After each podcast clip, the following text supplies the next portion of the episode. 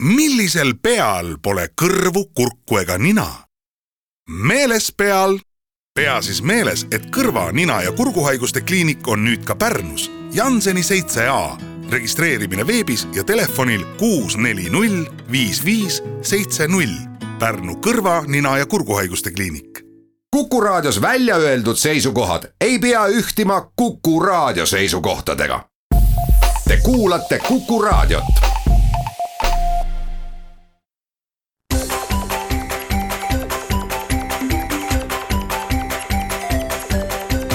Maksumaksja. Koostöös Eesti Maksumaksjate Liiduga. Tere päevast, eetris on saade Maksumaksja, mikrofoni ees on Lasse Lehis. täna on meil väike ajaloonurgakene, kuna eelmisel nädalal pühendas Riigikogu äh, Toompeal ühe tööpäeva äh, ka ühele kenale nostalgiahõngulisele arutelule, rääkides sellisest salapärasest organisatsioonist nagu VEB Fond ja sellega seoses äh, Äh, õnnestus minul ka mõned intervjuud anda, mida äh, siis asjaolude kokkusattumise tõttu üsna ohtralt äh, Riigikogu kõnepuldis tsiteeriti ja sellest kõikvõimalikke erinevaid järeldusi tehti. seetõttu mõtlesin, et võiks ju siis sellest teemast natuke rääkida, kui, kui see praegu huvi pakub. seda enam, et, et siin on palju lahtisi otsi ja, ja väga palju ka selliseid, mis, mille kohta minul info puudub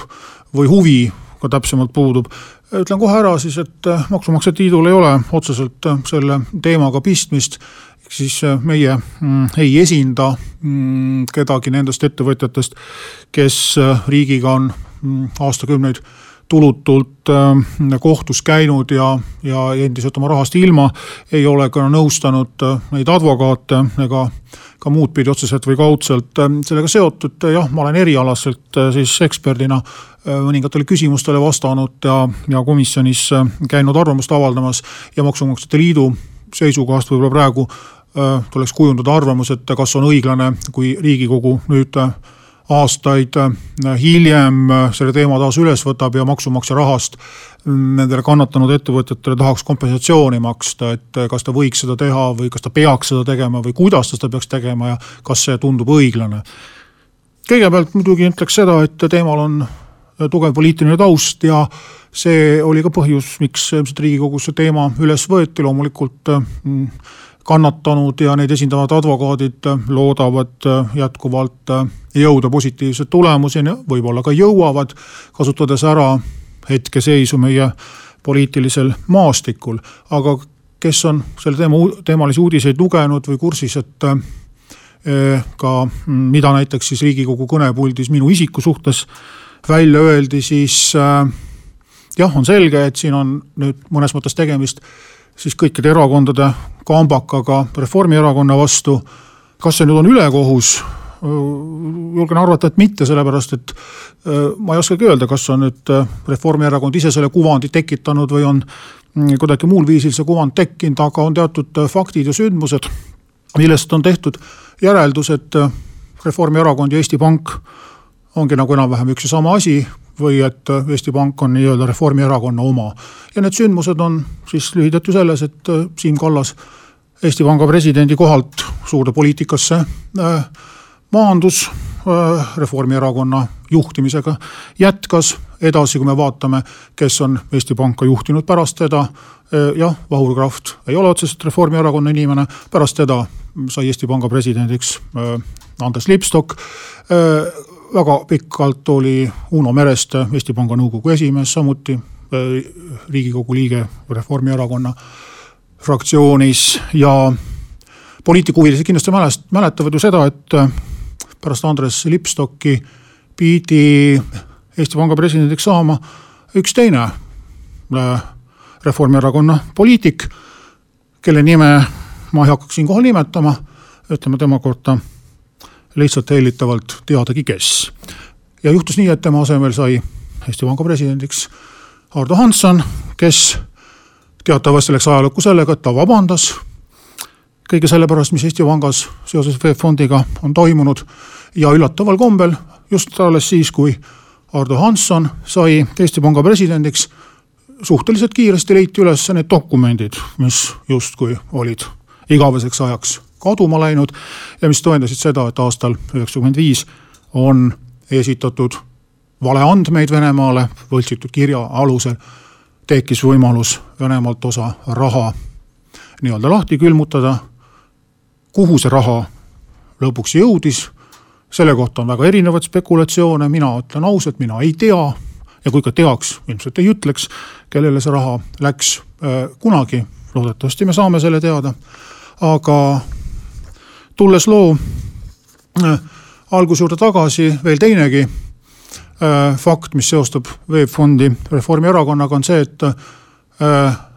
kui rahandusministriks üle hulga aja sai äh, sotsiaaldemokraat Ivari Padar, konkreetselt siis tema nõunik äh, Rein Järvelill, sattus juhtima VEB Fondi ja ka täiesti juhuslikult just siis hakkasid sealt selguma kahtlased tehingud, millega millest ajendatuna siis tuli äh, riigikontrolli audit, äh, lõpuks siis ka äh, riigikogu uurimiskomisjon ja seetõttu ma arvan, on igati õigustatud, et kõik see, mis Eesti Pangas on toimunud, nende sündmuste taustal heidab paraku varju Reformierakonna poliitikutele, olgu nad siis rohkem või vähem nende sündmustega seotud või mitte, aga need sündmused teatud kahtlusi äh, paratamatult äh, tekitavad. Äh, nüüd järgmine teema on seotud kohtumenetlustega, kui palju neid kohtuasju seoses VEB Fondiga on olnud, ma ei oskagi peast öelda, neid on lugematu hulk ähm, küll Eesti Panga vastu, VEB Fondi vastu, rahandusministeeriumi vastu, Eesti riigi vastu ja noh, teame siis kahte viimast riigikohtu otsust, üks on siis halduskolleegiumi lahend millega osakuomanikud justkui said õiguse ja lõpuks siis kõige viimane üldkogu lahend, kus öeldi, et riigikogu otsus on põhiseadusega kooskõlas ja riigikogu otsus on siis sisuliselt selline, et sertifikaadi omanikud ei saa mitte mingit hüvitist. ollakse erinevatel arvamustel ka õigusteaduste hulgas, kas need kaks otsust on omavahel vastuolus või ei ole noh, see võib-olla ei olegi hetkel oluline, aga on selge, et, ähm, et haldusasjas tehtud otsus andis mingit lootust, küll ebamäärast lootust sertifikaadi omanikele, et äkki riigikogu võtab vastu mingi otsuse, mis neile meeltmööda on. tõesti, äh, otsuse resolutsioonis ei olnud mingit ettekirjutust tehtud, milline see riigikoht, riigikogu otsus peaks olema. põhjendustest mõningaid vihjeid muidugi võis lugeda, et päris seda nagu silmas pole peetud, sest mis mõtet oli siis Riigikohtul teha Eesti Vabariigile trahvi kohtuotsuse täitmata jätmise eest, kui kohtuotsuse täitmine oleks tähendanud seda, et mitte midagi mitte kellelegi ei anta. nii et õiguslikult on äh, see ka äh, paras segane, segane olukord, aga pärast väikest pausi läheks siis tagasi minevikku, räägiks natukene, mis siis üheksakümne teisel, üheksakümne kolmandal aastal juhtus ja, ja millised oleksid olnud täna tagantjärgi tarkusena võib-olla need variandid, kuidas seda asja oleks saanud teisiti lahendada.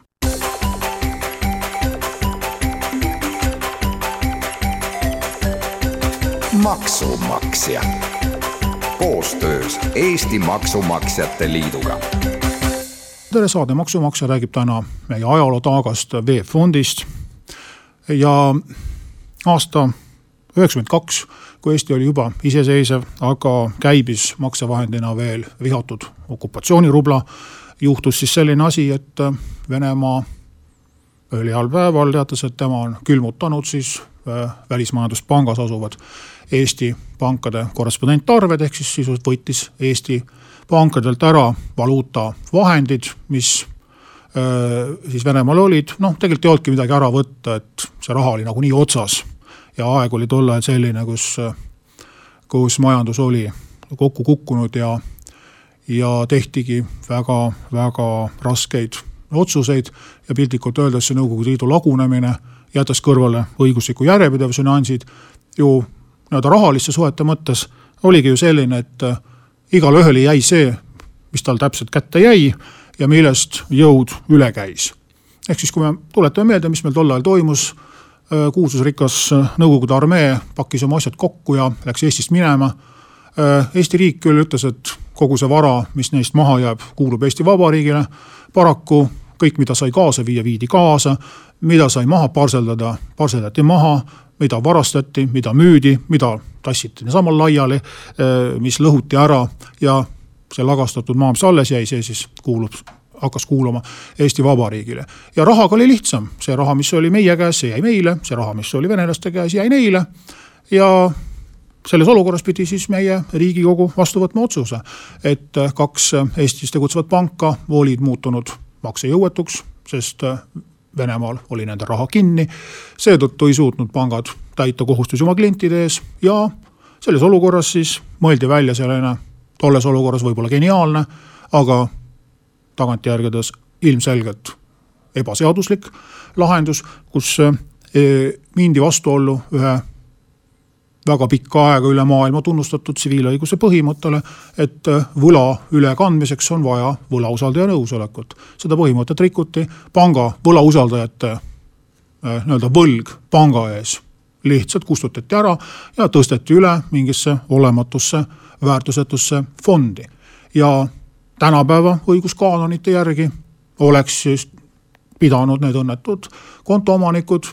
kaebama riigikogu otsuse halduskohtusse ja nõudma selle õigusvastaseks tunnistamist. tol ajal vaevalt, et keegi selle peale tuli. tegelikult ka hiljem on olnud äh, erinevaid arvamusi, mida üldse kujutab endast õiguslikus mõttes selline dokument äh, nagu riigikogu otsus, üldjuhul ju riigikogu võtab vastu seadusi, otsusega nimetatakse ametisse näiteks mõningaid ametimehi, et kas riigikogu otsus võib seadusega vastuollu minna või oli, oligi tegemist seadusega, aga lihtsalt valesti vormistatud või on siin riigikogu öö, võtnud endale valitsuse funktsiooni ja, ja nii-öelda haldusvõimu asunud teostama, sellest on ka erinevalt mm, aru saadud, aga selge, see fond tehti äh,. probleemi lahendamine lükati edasi, sest selge see, et Eesti riigil raha ei olnud sel hetkel, et mingisugust reaalset kompensatsiooni äh, nendele äh, Äh, panga hoiustajatele pakkuda, jäädi ootama, äkki õnnestub Venemaalt raha kätte saada, äkki ei õnnestu, siis vaatame, mis teha. kuid sellele järgnes omakorda siis terve laiin seadusrikkumisi, esiteks Eesti Pank ise ei täitnud äh, seda korda, mis ta oli kehtestanud, ei kutsunud kokku äh, sertifikaadi omanike koosolekut, ei andnud fondi juhtimist neile üle, lisaks siis see palju räägitud juba Venemaalt raha lahti külmutamise teema. ja siin olekski võib-olla paslik rääkida alternatiividest, üks olekski see, et eh, ütleme siis jah, et me mm, ilmutasime siis eh, mõningat sõjakavalust, et, et eh, kuidas öelda siis, et venelased võtsid jõuga meilt raha ära ja meie nüüd läksime kavalusega, võltsitud dokumentidega ja varastasime siis osa raha tagasi, mis meilt ära oli varastatud, et võib-olla peaks ordeni andma nendele inimestele, kes niimoodi julgelt läksid siis vaenulikku riiki meie ära varastatud raha tagasi tooma. kui me teaksime, kes nad on. aga siis oleks tulnud see sõjasaak ka õiglaselt ära jagada, selles osas ilmselt äh, ei ole päris asjad läinud nii, nagu on, sest me ei tea ju tegelikult, kelle vahel see sõjasaak ära jagati ja niikaua, kui me seda ei tea, on õhus ka spekulatsioonid kõikvõimalikud, äh, sealhulgas ka Reformierakonnaga äh, seotud. nüüd seosed omandireformiga ja küüditamisega, mis minu suu läbi ka intervjuust välja tulid, selle kohta ütleks lühidalt, et omandireform loomulikult oli ju seotud okupatsioonirežiimi poolt tehtud ülekohtu heastamisega, aga tegi seda kõike ikka Eesti Vabariik. ehk siis kõik need tagastamised, EVP-d, erastamised, kõik neid teeb ikkagi ju Eesti maksumaksja. ei ole me öelnud küüditatule, et minge küsige Venemaalt kolmekordset pensionistaaži. me oleme ise oma seadusega öelnud, et küüditatute pensionistaaž loetakse selle aja eest kolmekordseks. meil on eraldi seadus, mis annab represseeritutele maamaksuvabastusi, mis annab äh, soodustusi tervishoiuteenustele, ravimite hüvitamisele, mis annab õiguse näiteks tasuta külastada riigimuuseume, äh, tegeleda tasuta kalapüügiga, äh, tasuta külastada laulupidu ja juba nimetatud pensionisoodustused, seda kõike maksab kinni meie enda Eesti maksumaksja, me ei saada Vene saatkonnale arveid. täpselt sama oleks olnud ka VEB Fondi ohvritega võimalik teha, sellepärast et samast VEB Pangast oli antud Eesti ettevõtetele laenu äh, sellesama väärtusliku valuuta eest, jah, mis rubla ajal oli ju, oli ju täiesti omaette väärtus. selle valuuta eest on ehitatud Eestisse mitmeid objekte, võtame siin olümpiapurjespordikeskuse, teletorni, Postimaja, Tallinna Sadama, Rakvere lihakombinaadi, mille iganes. oleks saanud need objektid ritta laduda, öelda, et nende objektide erastamisest saadud rahast näiteks kompenseerime VEB Fondi omanikele siis mingi osa nende sertifikaate, ehk siis teha nagu nii-öelda suure EVP kõrvale veel sellise väikese EVP. noh, samas kategooriasse kuulub ka sundüürnike teema, kirikute kompensatsiooni teema, ehk siis mõnes mõttes on see võib-olla küsitav mõnes mõttes jällegi noh, nagu maailmavaate küsimus, et kas nüüd kakskümmend viis aastat tagasi tehtud otsused, mis meie siin Eestis tegime, kuidas punavõimu ülekohtu heastamine täpselt välja näeb.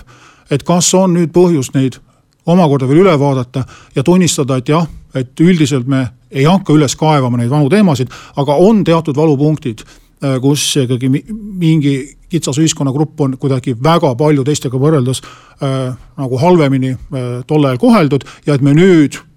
kus me oleme oluliselt rikkamaks saanud, võime endale lubada seda žesti, et neile tagantjärgi veel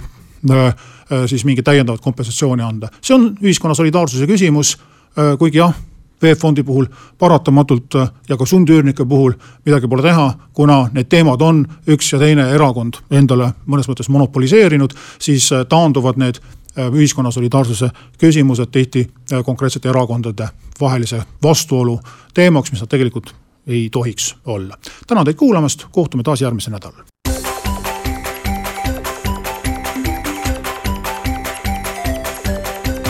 maksumaksja koostöös Eesti Maksumaksjate Liiduga